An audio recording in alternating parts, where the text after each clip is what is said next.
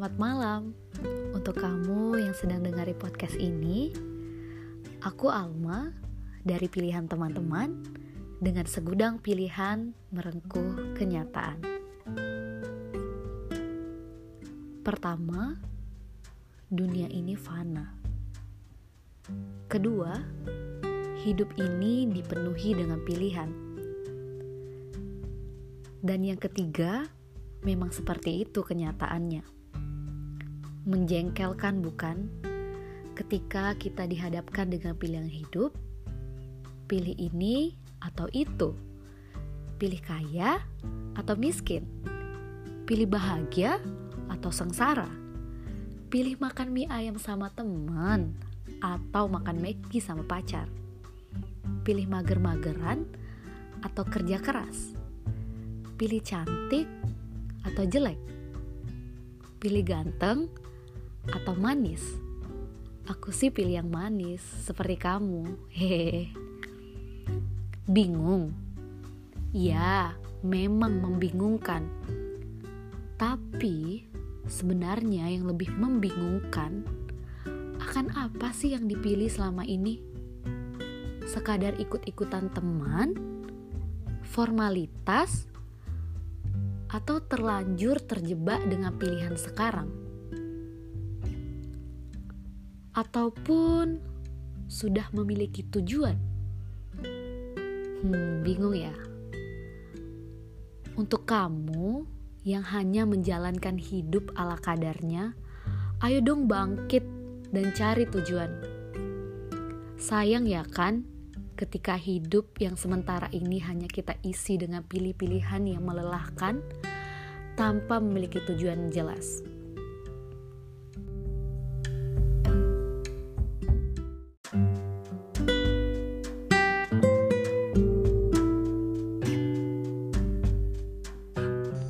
Untuk episode kali ini, aku mau angkat soal blak-blakan atau jaim.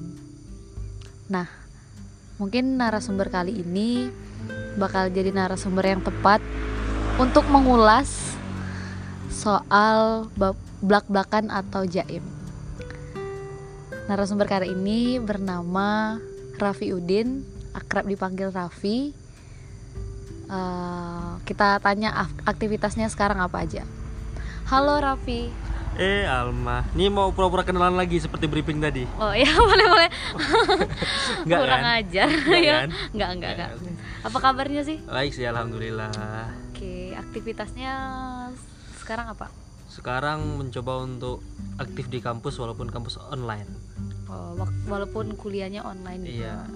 Aktivitas banyak online. Enggak apa-apa sih. Lebih tepatnya sih gini, Ah. menggunakan fasilitas kampus Oh. kayak wifi dan lain-lain gitu. Jadi tet- walaupun online tetap ke kampus gitu. Tetap ke kampus karena Oke. kampus kan juga nggak tutup sepenuhnya gitu. Oke. Nah, sudah siap nggak sih ngulas soal belak-belakan atau jaim? Eh, siap banget dong. Siap banget ya.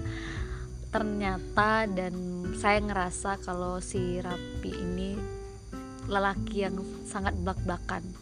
Mungkin dalam situasi dan lawan bicara siapa pun itu dia tergambar orangnya belak-belakan. Nah, kita tanya sih kenapa sih Rapi lebih eh, Milih untuk belak-belakan. iya gitu. betul. Eh, karena selama ini kan jadi orang tuh kalau nggak berani belak-belakan nggak berani ngeluarin suara gitu kayak cuma jadi penonton Hmm, jadi kurang akrab sama teman-teman sama orang yang baru kenal kayak diem-dieman padahal kadang kita tuh kayak ketemu di suatu tempat harus penting tapi maksa untuk diem gitu jadi kayak ah susah ya mending belak-belakan aja ngomong gitu sebelak-belakan apa sih? Misalkan nih sama teman aja, teman. sama teman kalau sama temen rasanya belak-belakan tuh udah biasa bahkan saya pun sama orang yang baru kenal Iya. lima menit sebelum lima menit baru kenal Iya. berani belak-belakan Contoh konkretnya gimana tuh? Em, mana ya? Apa ya? Susah nih soalnya Coba dialognya, dialognya misalkan, ah ini aku baru kenal nih, kita baru kenal. ah, biasanya kalau aku sih nanyain dari mana asal daerah. Iya. nanti dari mana asal daerah langsung udah belak-belakan aja. Oh Palembang ya? Hmm. pantas lah gedang otar gitu. Oh, langsung gitu aja gitu. Tembak gitu. aja langsung. Masalah dia marah apa enggak? Usaha nanti sih. Oh, kalau belak-belakan soal asmara gimana? Ini Ya. agak-agak agak-agak gimana ya menarik nih. Gimana? kalau menurut aku sih ya kalau belak belak belakan masalah cinta itu kalau kita mau ngomong ayo ngomong aja gitu ya. makanya saya tuh setuju dengan kalimat cewek kalau mau ngomong ya ngomong aja nggak usah pakai kode-kode Hmm, justru kalau pakai kode-kode Mm-mm. pengertiannya luas Oke. Eh, boleh dong sampaikan se belak-belakan apa kamu soal cinta atau asmara itu? Boleh dong contohnya lah contoh. contoh ya contohnya tuh gini gini dulu kita luruskan dulu ya Ya. Ini- Oke. ini pandangan- Emang dari tadi bengkok gitu ya? enggak enggak maksudnya gini kita kan punya cara pandang masing-masing ya dan ini pandangan saya Iya. jadi untuk teman-teman jangan apa ya jangan dijadiin panduan yang benar gitu tapi ini Oh, ini pilihan, pilihan. pendapat pendapat Oh, pilihan. pendapat saya tuh laki-laki cuma butuh 8 detik untuk mencintai senyuman seorang wanita Oke. dan ketika saya suka saya langsung ngomong aja udah gitu ah, misalnya gini nih awal ketemu Alma Hmm. saya suka dengan bagaimana eh, kehidupan kamu di kampus sudah gitu aja dan beberapa kali kan saya sering ngomong gitu kan ke Alma iya ya. nah gitu. Oh, kalau gini, misalkan eh, belak-belakan soal cinta itu bukan ngarah ke hal yang positif, maksudnya tuh yang baik-baik pernah nggak? Kayak benar-benar eh, belak-belakan bilang, ih kamu nih jelek atau ih kamu nih cemburuan aja cemburuan banget sih atau kayak alay dan lain sebagainya gitu. Nah itu sering. sering ya? Sering banget. Jadi kadang tuh kalau ngechat cewek kalau ceweknya berusaha kayak jaim berusaha untuk em, mengekang gitu kan kalau Iya. orang biasanya kan ngekang gitu kan udah aku ngomong langsung aja jangan ngekang gitu loh. Kita kan punya kehidupan masing-masing jadi tolong. Oh, jadi langsung ya tanpa kayak ay mikir kalau nanti dia sakit hati atau enggak gitu. enggak enggak enggak mikir gitu karena saya pun mau basa-basi nggak bisa basa-basi Oh, enggak bisa ya. Sebenarnya sih eh, berarti kan Raffi memilih eh, belak-belakan ketimbang Jaim. Nah, kalau menurut Raffi sendiri emang kenapa sih eh, dengan kata Jaim itu Sebenarnya- pandangannya apa sehingga nggak milih itu gitu? karena kalau jaim Hmm, kalau saya ya ini pandangan saya Iya. yang membuat circle kita tuh semakin menyempit ataupun tidak bertambah karena kita jaim. Hmm, Sedangkan kalau kita belak-belakan kan kita mudah deket sama kawan, iya.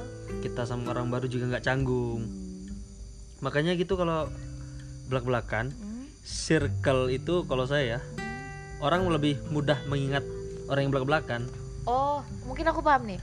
Mungkin nih kan kita nih baru duduk, ada tiga orang Heeh. duduk sama-sama, dan kamu orang yang paling nonjol karena keblak-blakan Oh, kamu. betul, Jadi nah. si A, si A atau si B itu lebih Notice ke ya saya. notice saya, setuju sih. Berarti eh, kalau aku sih mikirnya boleh blak-blakan asal penempatannya aja. Betul. Dan si Rapi itu bagaimana tuh soal eh, keblak-blakan itu penempatannya harus seperti apa sih gitu? Atau lihat situasi atau lihat orangnya dulu atau gimana? Eh, lebih ke lihat orangnya dulu, baru lihat situasi dan lain sebagainya gitu. Hmm, Karena kan Contohnya gimana nih? Eh, gimana ya kalau di situasi yang mengharuskan kita untuk tidak belak belakan Ya. Ya mau nggak mau kita nggak belak belakan tapi tetap ada. Walaupun ngomongnya cuma berdua gitu. Contoh misalnya rapat nih tahu-tahu ada yang marah-marah segala macem. Saya belak belakan aja nggak usah marah-marah bu. Santai aja gitu. Walaupun ya mungkin belak-belakan be- bisa diluruskan mungkin pikiran teman-teman. Belak-belakan itu kalau menurut aku ya Mm-mm. bukan soal nada kita yang ngomong ngegas gitu bukan. Tapi dengan kita ngomong nada rendah tapi ungkapannya itu jujur itu bisa bisa disebut juga belak-belakan atau enggak kalau menurut Raffi? Bisa sih karena selama ini belak belakan yang saya pakai itu Iya. kayak eh, lebih ke menggunakan nada komedi gitu. Oh maksudnya itu apa ya? Kamu bukan, komedian. bu- bukan bukan gitu maksudnya itu kayak sambil nada bercanda gitu. Oh, jadi iya. belak belakan kita belak belakan terus tapi teman-teman yang dengerin tuh nggak nggak marah karena kita menggunakannya intonasi intonasi bercanda gitu. Oh, berarti di balik kejujuran kamu tetap ada sisi untuk menjaga perasaan lah ya? Betul. Sebenarnya tujuan tujuannya apa sih sebenarnya? Kenapa kamu pilih belak belak itu? Tujuannya yang paling mendasar lah bisa bilang gitu. Pengen jujur. Pengen jujur ya? Pengen jujur. Hmm. jadi orang menilai saya tuh kayak oh Rapi tuh begini orangnya dan Iya. jujur dan apa ya tidak mau takutnya tuh persepsi orang Iya. ketika saya jaim persepsinya A Hmm. tapi setelah tahu saya aslinya bagaimana persepsinya berubah itu yang saya nggak mau jadi saya mau itu Oh. teman-teman tuh kenal saya tuh persepsi kenalnya A lebih dekat lagi tetap A gitu Oh, aku dapat tangkap nangkap. Eh, bagus sih. eh, perlu digarisbawahi juga buat teman-teman yang lagi dengar podcast ini. Ya ini kembali lagi ini pilihan si Raffi dia memilih untuk menjadi orang yang belak-belakan dengan tujuan yang tadi sampaikannya gitu nah. jujur Iya, untuk jujur ya. jujur karena jujur kan susah sih Oh ya betul. Eh, sejak kapan sih jadi orang yang belak-belakan? Sejak kapan ya? Aku mulai kenal belak-belakan, berusaha untuk belak-belakan itu dari kelas 1 SMA sih. Kenal dari abangku. Hmm, ngikut abang gitu. Pertama tuh lihat abang dulu kan. Kok bisa dia tuh kayak kalau ke mana-mana tuh diterima gitu. Oh. Ke tempat orang yang baru pun diterima, enak gitu rasanya gitu. Ketimbang kita diem-diem aja, nanti mau ngomong ketika eh kenalin nih adek aku gitu kan nggak enak. kalau dari awal kita yang berusaha kenalan kita berusaha deket ke orang jadi orang tuh merasa enak nih orangnya nih humble gitu enak diajak ngomong dan saya tuh ngejar yang gitu nggak berusaha untuk ya jadi penonton lah gak enak gitu Oke oke. Mau tanya juga nih, separah apa sih eh, hal yang paling belak-belakan yang kamu lakuin? Satu aja, entah itu asmara, entah itu di teman dekat, atau itu di keluarga. Yang paling parah, yang sampai mungkin kamu orang itu pernah yang ngambek atau sampai ngeblok kamu gitu kan pernah nggak doi kamu ngeblok?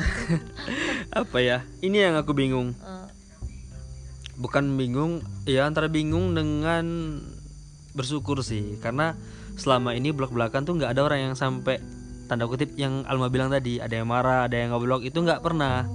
Karena kita tuh cara belak belakannya tuh tahu bagaimana kejujuran kita tuh ditempatkan kepada seseorang. Oh, berarti belak belakannya benar-benar tujuan yang tadi itu benar-benar tersampaikan ya? tersampaikan dan ya itu tadi sih tetap tahu situasi untuk mencoba untuk belak belakan gitu Oke. Nah, boleh dong eh, kasih mungkin pesan untuk teman-teman yang masih memilih untuk belak-belakan menjadi orang yang belak-belakan sama untuk teman-teman yang masih stagnat Di- atau di jaim gitu iya di jaim. bro untuk teman-teman sih eh, ketika dirimu belajar untuk menjadi jujur ada berbagai macam cara gitu. Salah satunya ini belak belakan jadi berani mengungkapkan apa yang ada di hati sih. Ya kan? Ketika kamu mau ngomong suka ya suka aja. Kalau mau ngomong lapar ya lapar aja. Jangan pakai eh, apa ya kalau cewek kode-kode gitu. Nggak suka sih kode-kode gitu untuk teman-teman yang jaim kalau memang itu jalan hidupmu lakukan gitu. Tapi tolong sama eh, ketika menemui orang yang belak-belakan jangan judge mereka tuh kayak nggak punya attitude nggak punya akhlak ataupun ya itu kan pilihan mereka gitu kak. Kembali lagi ya pilihan. kembali lagi itu pilihan. Oh, ternyata eh, Arif Raf Arif benar-benar eh, memandang atau memilih menjadi orang belak belakan dengan tujuan sebenarnya tuh mulia sih untuk berusaha menjadi orang yang jujur dipandang ya sosok yang dikenal dari awal gitu kan ya Mm-mm. AA sampai kenalnya sampai mengakar-akar itu tetap A, A gitu. gitu ya Nah, itu sih untuk teman-teman terima kasih yang masih tetap dengari podcast pilihan teman-teman dan tetap ingat ini hanya pilihan dari narasumber kita yaitu Arif. Untuk teman-teman sendiri eh, ya terserah sih mau pilih apa gitu kan. Mau pilih jaim atau mau pilih belak-belakan. Yang penting di sini saya ingin mengajak teman-teman membuka pola pikir. Apakah teman-teman eh, memilih kedua hal tersebut? Ikut-ikutan formalitas atau memang menjadi hal yang teman-teman tujukan itu aja sih Raffi Oh iya, terima kasih. Iya terima kasih ya sudah berkenan untuk jadi narasumber Oh, lebih terima kasih saya dong Oh. bisa mampir di channel pod- ini. oh, podcastnya ya Podcast ini Oke. betul. tetap ingat eh, jaga kesehatan Jaga Raffi kesehatan, terutama lagi Covid ya. Ah, iya. 3M 3M apa itu eh, menggunakan menggunakan masker, Iya. menjaga jarak dan, dan, mencuci, mencuci tangan. tangan. See you bye bye teman-teman. Dah. Bye.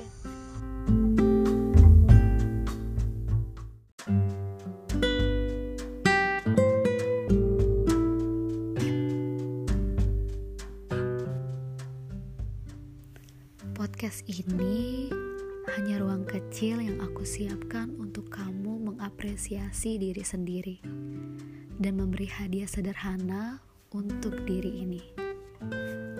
Lalu, jangan lupa bisikan kata terima kasih teruntuk akal dan rasa yang sudah menemani diri. Dan terima kasih yang sudah memilih podcast ini sebagai pilihan teman-teman. Jaga kesehatan dan sampai jumpa di episode berikutnya.